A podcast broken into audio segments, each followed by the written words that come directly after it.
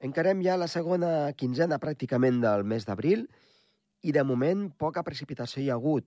Les temperatures han començat a davallar, sembla que una mica de neu ha tornat a caure i esperem que les dites del mes d'abril es compleixin, com el de per l'abril aigües mil.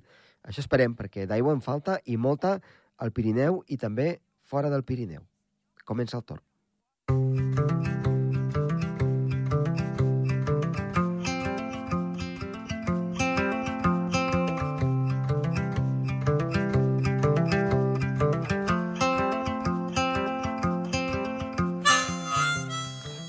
Doncs avui parlarem precisament de la manca d'aigua. Com ho farem?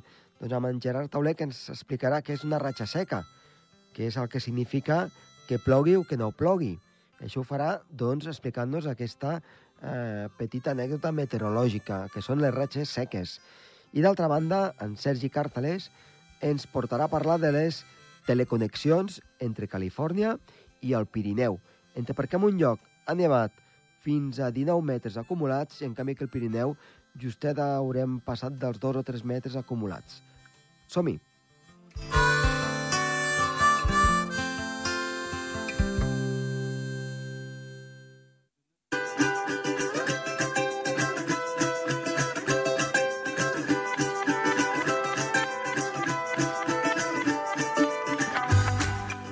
Comencem el programa i parlem, en aquest cas, amb Gerard Tauler. Gerard, molt bona tarda. Hola, bona tarda, Josep Tomà. I gràcies per tornar a estar aquí amb nosaltres. Uh, avui parlarem doncs, una mica doncs, uh, de les ratxes seques. Ara ens explicaràs el que és. Però sí, té... les ratxes seques és un període que estem sense ploure. Un període, un llindar de precipitació de dies sense ploure. Normalment és inapreciable, uh -huh. una dècima, de, un litre, 10 litres i 30 litres. Això seria el que definiria el que és ratxa seca. Sí, i les ratxes seques contribueixen, clar, eminentment a les sequeres. Quan més dies amb una ratxa seca, més important és una sequera. Mm -hmm. I, i quants, quants dies ha de ser això? Doncs aquí a Girona, 62 és el rècord del període 1884-2022. Va produir entre el 15 d'abril, ah, el 15 de febrer i el 17 d'abril del 1997. Mm -hmm. Però hi ha llocs del Pirineu gironí que encara que sembla mentida que plou més que Girona, com a Camprodon amb 1.123 litres i Girona acaba en 771, doncs allà va estar 89 dies sense ploure li, li, un hivern. Clar, és l'hivern. És, és justament... Normalment les sequeres al nostre clima mediterrani són més cap a l'estiu, sobretot al sud de la península, al sud-oest eh, i al sud-est. Eh, Almeria, el, el rècord de sequeres, de, de ratxa seca sense dies sense precipitació és de 187 dies. Ui, és molt això, eh? En canvi, a Pamplona, que ho vaig preguntar a Meteorret, són 23 dies la ratxa seca. La ratxa seca més... Més llarga que tenen. Llarga, vull dir, és una ratxa seca realment curta. Sí, Clar, sí. els climes atlàntics, com passen fronts sovint, doncs les ratxes seques són més, molt més curtes que en els nostres climes mediterranis, sobretot al sud-est de la península, que és un clima semidesèrtic, doncs allà les ratxes seques són molt, molt, molt llargues i es concentren a l'estiu i els mesos adjacents, des d'abril fins a, finals d'octubre. Uh -huh. ja, la, a, a partir de quan es pot considerar una ratxa seca? A partir de quants dies? No, no, no hi ha un llindar determinat. No hi ha unes dades. Es considera, un, un dia de precipitació, des de l'últim dia de precipitació fins, fins al dia fins al següent. que plou, uh -huh. o de neu. I això... No, no, no, no, no cal un llindar. Val. Vull dir, es considera el llindar de la precipitació, però el llindar de ratxes seques Home, aquí en, en Javier Martín Vide, Tiempos i Climes d'Espanya, calcular la mitjana ratxes sí. seques a Espanya i és de 12 dies al, al sud-est de la península i de 4 dies al nord-oest, al Cantàbric i Galícia. 4 dies, només? Sí, ratxa seca mitjana dies sense ploure una dècima de litre. Això vol dir que... I aquí Girona és de 6 dies. 6 dies. Home, doncs eh, és curta, no, Girona? Home, és curta, però es considera totes tot, tot, tot les mitjanes de, de, de, de, de, de, tots els anys, ja. Ja, ja, ja. La, la ratxa mitjana, eh? Clar, la ratxa mitjana, entre un dia que plou i la d'això, és que el Girona plou, clar, 65 dies a l'any, doncs compta. Uh -huh. Que ho divideixes i et surt una mica aproximadament això. Més 60, sí, 6 dies. 365 entre 65 gairebé surt cap a 6 dies. Cap a 6 dies, no?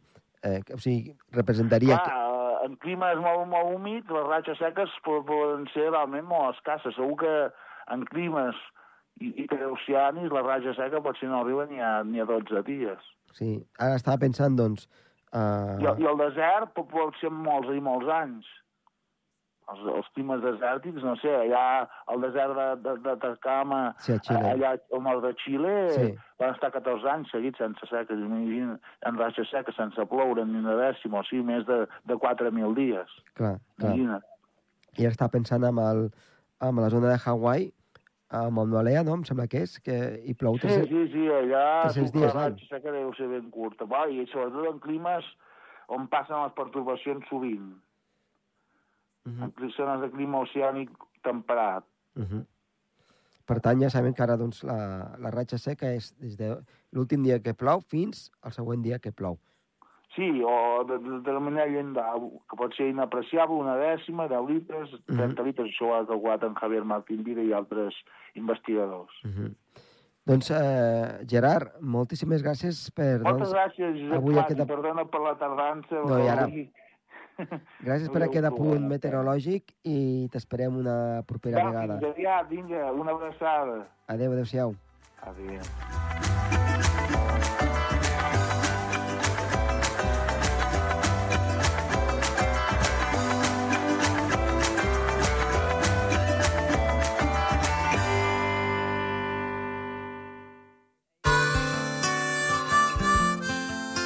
El Torb, amb Josep Tomàs.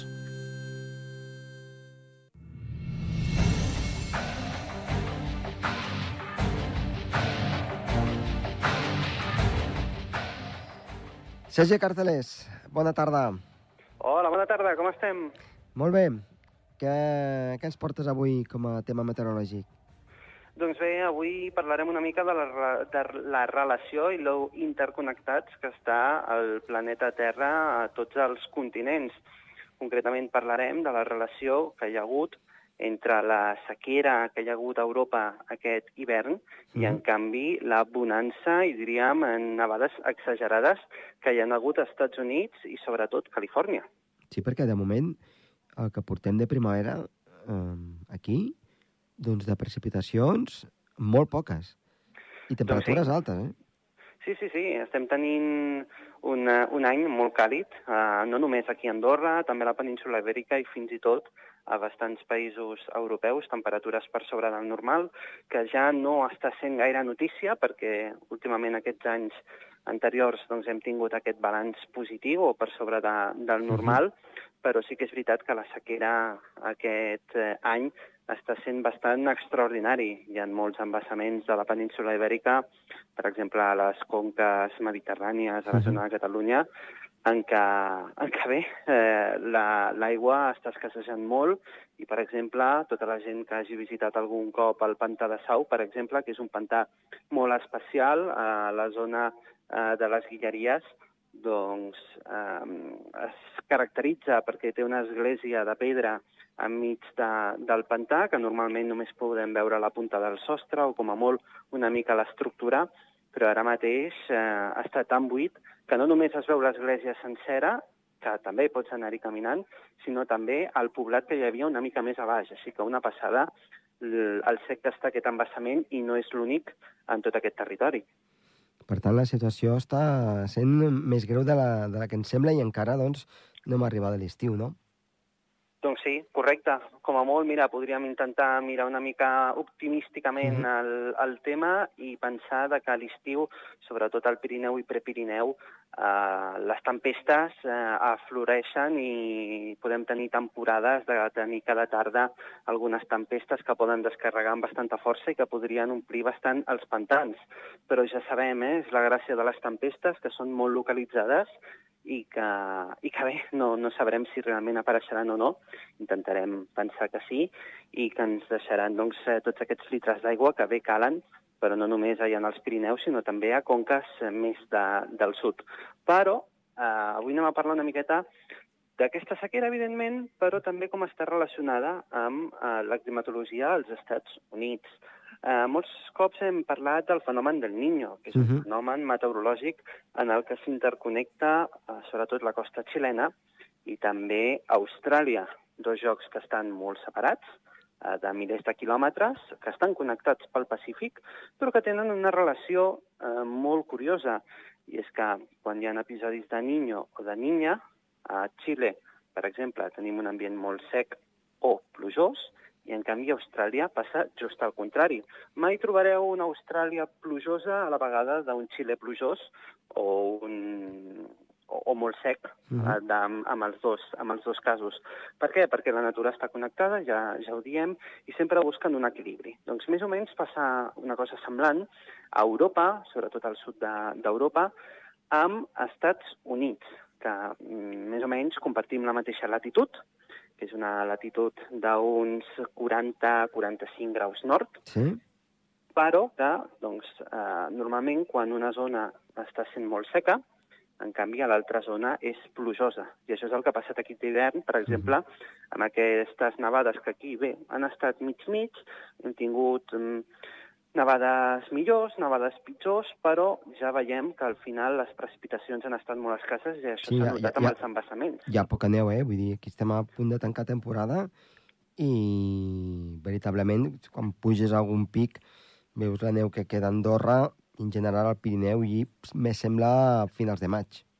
I tant, i tant. Eh, també la neu no és del tot un indicador superfiable perquè podem tenir nevades molt intenses, però que després vingui una onada de calor i desfagi la neu mm. ràpidament. Però clar, si hagués passat això, si hagués vingut unes nevades molt intenses i en canvi les hagués desfet el sol, tota aquesta aigua s'hauria hauria desplaçat cap a, cap a les valls i llavors hauríem tingut els mm -hmm. pantans plens.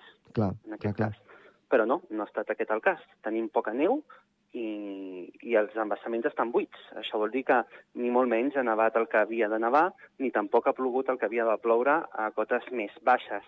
Però, en canvi, ha passat just al contrari a Estats Units, sobretot a la zona de Califòrnia, també en el nord d'Estats de, Units, tots aquests estats que, bé, les nevades allà són importants, normalment, però és que en alguns punts s'han acumulat fins a 19 metres de neu. Evidentment no ens espantem, no estem parlant de 19 metres que hagin caigut de cop, ni que tampoc eh, aquestes columnes de neu hagin arribat a, a medir 19 metres. Però sí que ha estat l'acumulació de tot aquest mes, o aquests mesos hivernals, en les que s'ha acumulat, i això sí que no és broma, 19 metres de neu, una bestiesa, no sé què opines tu. Doncs mira, um, aquí l'acumulació de neu eh, volta entre els 4 i 5 metres, aproxim, amb un any bo, clar, mm, estàs, això a les pistes d'esquí, eh? aproximadament. Eh, el que dius tu, eh? no és que aquesta neu estigui sobre el terra, sinó entre la neu que cau i després es desfà, el que va sumant els centímetres, eh, clar, m'estàs parlant de 19, clar, queda molt lluny d'aquesta situació doncs, que s'ha donat. I crec que aquest any just haurem a, a, arribat ni els dos... No haurem de passar, segurament dels 3 metres no haurem passat eh, doncs, d'acumulació eh, a les pistes d'esquí? Doncs imagina't, i no és, no és una casualitat. Eh, molts cops ha passat just al contrari. Han tingut en aquelles zones unes sequeres molt importants, hi havia embassaments que feia anys que no s'omplien, que estaven en molt mal estat, eh, justament doncs, coincidien la majoria dels cops amb anys que han estat aquí de bastanta bonança. No uh -huh. parlem, ho tornem a dir, eh? no parlem únicament de la península ibèrica, sinó també de França, Alemanya, la zona italiana queda una miqueta sí. més a part, però bé, també té, té algú a veure, perquè ja sabem que als Alps allà sí que hi ha hagut algunes nevades més bones. Important, sí. Sí, hi ha hagut, hagut nevades més importants, però el que és la conca atlàntica, que és tota aquesta franja de mhm. França, sí. d'Espanya, de, Portugal, etc. doncs allà sí que s'ha notat més aquesta absència de, de pluges i també de, de nevades.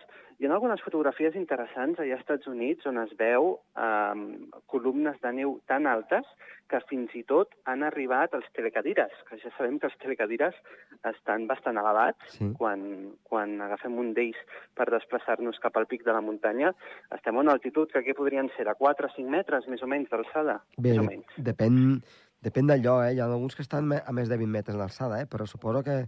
Ja he vist aquesta imatge i eh, aquí m'estàs parlant de 3 o 4 metres d'alçada.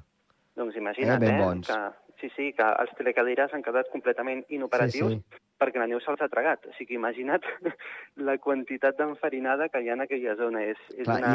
I, I aquesta imatge és de, de, de neu que ha caigut de cop, perquè, vull dir, a part de la que hi havia hagut abans, després amb la següent nevada, que ha tingut ser de dos, dos metres, doncs ha sigut el que, eh, que l'ha acabat de colgar. Doncs sí, Sí, sí. És, és una... Bé, jo crec que val la pena veure aquestes imatges perquè són molt curioses i, i avui en dia perquè tothom té un telèfon, un mòbil i ho pot penjar a les xarxes socials perquè si no més una persona t'acabarien tractant de boig, eh? Quan dius ah. que hi ha hagut nevades tan, tan elevades. I doncs eh, justament és això el que anem a comentar, que al final als Estats Units i també a Europa estan connectats d'una o altra manera. Al final el planeta Terra busca un equilibri i quan hi ha una zona molt seca també en el mateix moment hi ha una zona molt plujosa, mm, més o menys per buscar aquest equilibri. No només passa amb les pluges, les precipitacions, sinó també amb les temperatures. Allà, de fet, fa uns mesos ja va començar a haver una bossa d'aire molt fred que es va desplaçar des, de, des del Pol Nord cap a, cap a Canadà, sí? també cap a la zona d'Alaska, i es va endinsar per al nord dels Estats Units i va arribar quasi, quasi a, a la meitat de, dels estats. Va ser una, una gelada molt important, amb temperatures que podien arribar tranquil·lament als 8 graus sota zero a moltes ciutats, una mica, una mica pensant en, en la pel·lícula que hi ha El dia de mañana, uh -huh. que es veia que es veia l'estàtua de la llibertat allà nevant amb, amb metres de neu. No va ser tan catastròfic, evidentment, però sí que ens podem fer una idea de, de, com, de com va succeir. I aquesta onada de fred ja es va quedar instal·lada tranquil·lament uns 10 dies. Uh -huh. O sigui que Déu-n'hi-do déu nhi els dies de fred que van passar en aquella zona, que van haver morts, evidentment, i molta falta doncs, d'alguns jocs de recursos o d'electricitat, perquè, clar, els cables elèctrics doncs, cedien amb totes aquestes nevades.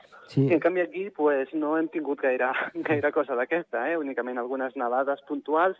Hem tingut, sí que és veritat que hem tingut un parell de un parell de, de bosses d'aire fred que van endinsar-se bastant a la península ibèrica i ens va portar nevades a cota zero, pràcticament, uh mhm. -huh. però acostumats a, acostumats a les nevades que teníem fa anys anteriors, en les que una època de nevades podia durar tranquil·lament una setmana, no, de moment, bueno, ara ja aquest any em sembla que ja no les tindrem, perquè ens estem cada cop aproximant més a l'estiu, però, però, però sí, sí, ha estat un any bastant sec i, i calorós. Sí, de fet, a, a part de que doncs, el mes de febrer va ser una mica eh, eh, més fred, finals de febrer i sobretot principis de març, després eh, que ens van portar algunes nevades, eh, després la situació no ha estat, eh, doncs, com tu dius, massa, massa freda i contrasta amb el que estaves explicant de Califòrnia i, bueno, eh, suposo que els estats que hi han més a la vora, no? És, és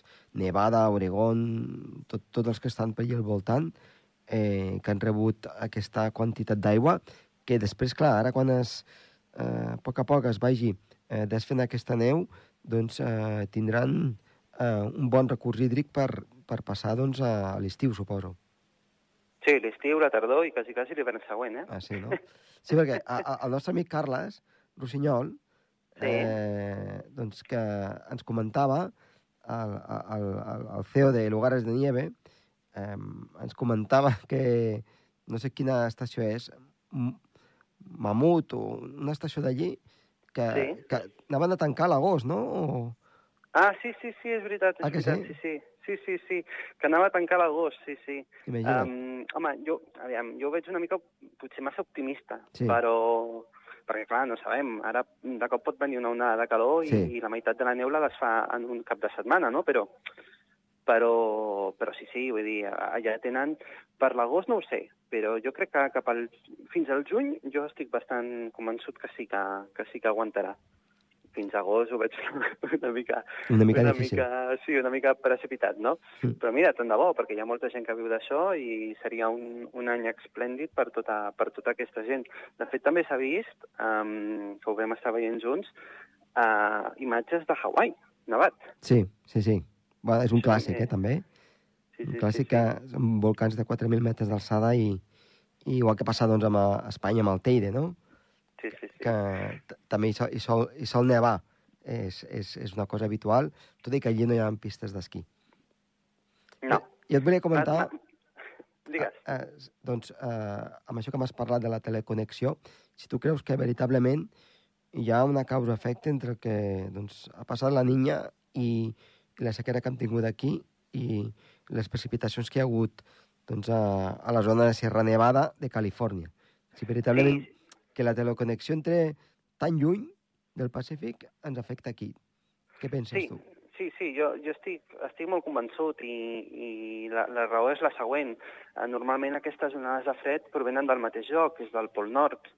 La Ja. zona, la zona de, bé, al nord de Rússia, de Finlàndia, de Suècia, zona de Groenlàndia. És una zona on es forma una nevera, una nevera que cada cop es va refredant més i més i més, fins que hi ha un moment que es despenja. El que passa és que, clar, quan es despenja aquesta bossa d'aire fred, eh, normalment es despenja cap a un dels costats, perquè al final és empesa per un anticicló. Ja. I què passa? Doncs que aquest anticicló o l'empeny cap a un costat o cap a un altre. Jo no recordo, potser m'equivoco, eh? tu potser sí que ho has vist, però jo no recordo ningú moment en què aquesta bossa d'aire fred baixés tant per Europa com per Estats Units. Uh, o baixa per un lloc o baixa per l'altre. No, sen... eh, aquí a Europa s'han anat més cap a l'est. Clar, O, o, a o a les illes britàniques. S'ha quedat a les illes britàniques nord de França, on hi ha hagut nevades importants. Però més al sud no, no ens ha baixat. Clar, però me refereixo en el, en el moment de que una bossa d'aire molt freda baixa, potser fins a la península ibèrica, Mm. que pot passar, ha passat Sí, algun sí. cop, uh, aquesta bossa d'aire fred, si mires a l'altre costat de, de l'Atlàntic, veus que aquella bossa no està, No, perquè clar. al final ha estat empesa cap a un costat. Sí, sí, la bossa compensació. No, no s'extén, no s'extén cap als dos llocs. No, no, hi ha una compensació, eh, evidentment. Correcte. I ara, eh, ja per acabar, eh, tenim el Niño, no? El niño. Comença el Niño, ara eh, acaba la Niña, comença el Niño, suposo que eh, començarà a haver-hi menys precipitacions en tota aquesta àrea que estaves comentant, i aquí doncs haurien d'arribar precipitacions. Sí, ja veurem si, si passa o no passa, perquè al final el, el fenomen del Niño ens queda a l'altre costat del planeta Terra, que sí, que com hem dit, eh, que la, tot el món està relacionat i, evidentment, el Niño tindrà conseqüències també aquí a Europa, però no té unes conseqüències tan directes com les pot tenir, per exemple, en el sud de, del Pacífic. Uh, aquí sí que poden venir més pluges, però no, jo no crec que sigui un increment de pluges tan bèstia com ho pot ser en el- en l'hemisferi sud, a la, a la zona del, del Ah, Pacífic. El que a jo sí que crec, no sé, ja així mirant una mica a mig termini, com hi haurà Niño aquest any, Mm. eh, no t'estranyi que aquest estiu i principis de tardor Sí? tinguem molts huracans en el Pacífic. Ostres. Clar, quan hi ha Niño, mmm, ojito, perquè hi ha renou en el Pacífic i Sí, sí. segurament aquest any serà un any um, excepcional en la creació d'huracans en el Pacífic. Ja veurem, eh? Si passa o no passa, però tot indica de que hi haurà renou. Clar, el que hauria de passar és que ens arribés aquí la pluja i, i de moment sembla doncs, que doncs, la situació no, no pinta massa, massa bé. Bueno, ja mirarem a finals de primavera, a principis d'estiu, què passa. Mirarem la bola de vidre junts, no A veure. preocupis. A veure si és veritat. doncs, uh, Sergi, eh, moltes gràcies per l'apunt d'avui i t'esperem una propera vegada. Molt bé, que vagi bé. Adéu-siau, merci.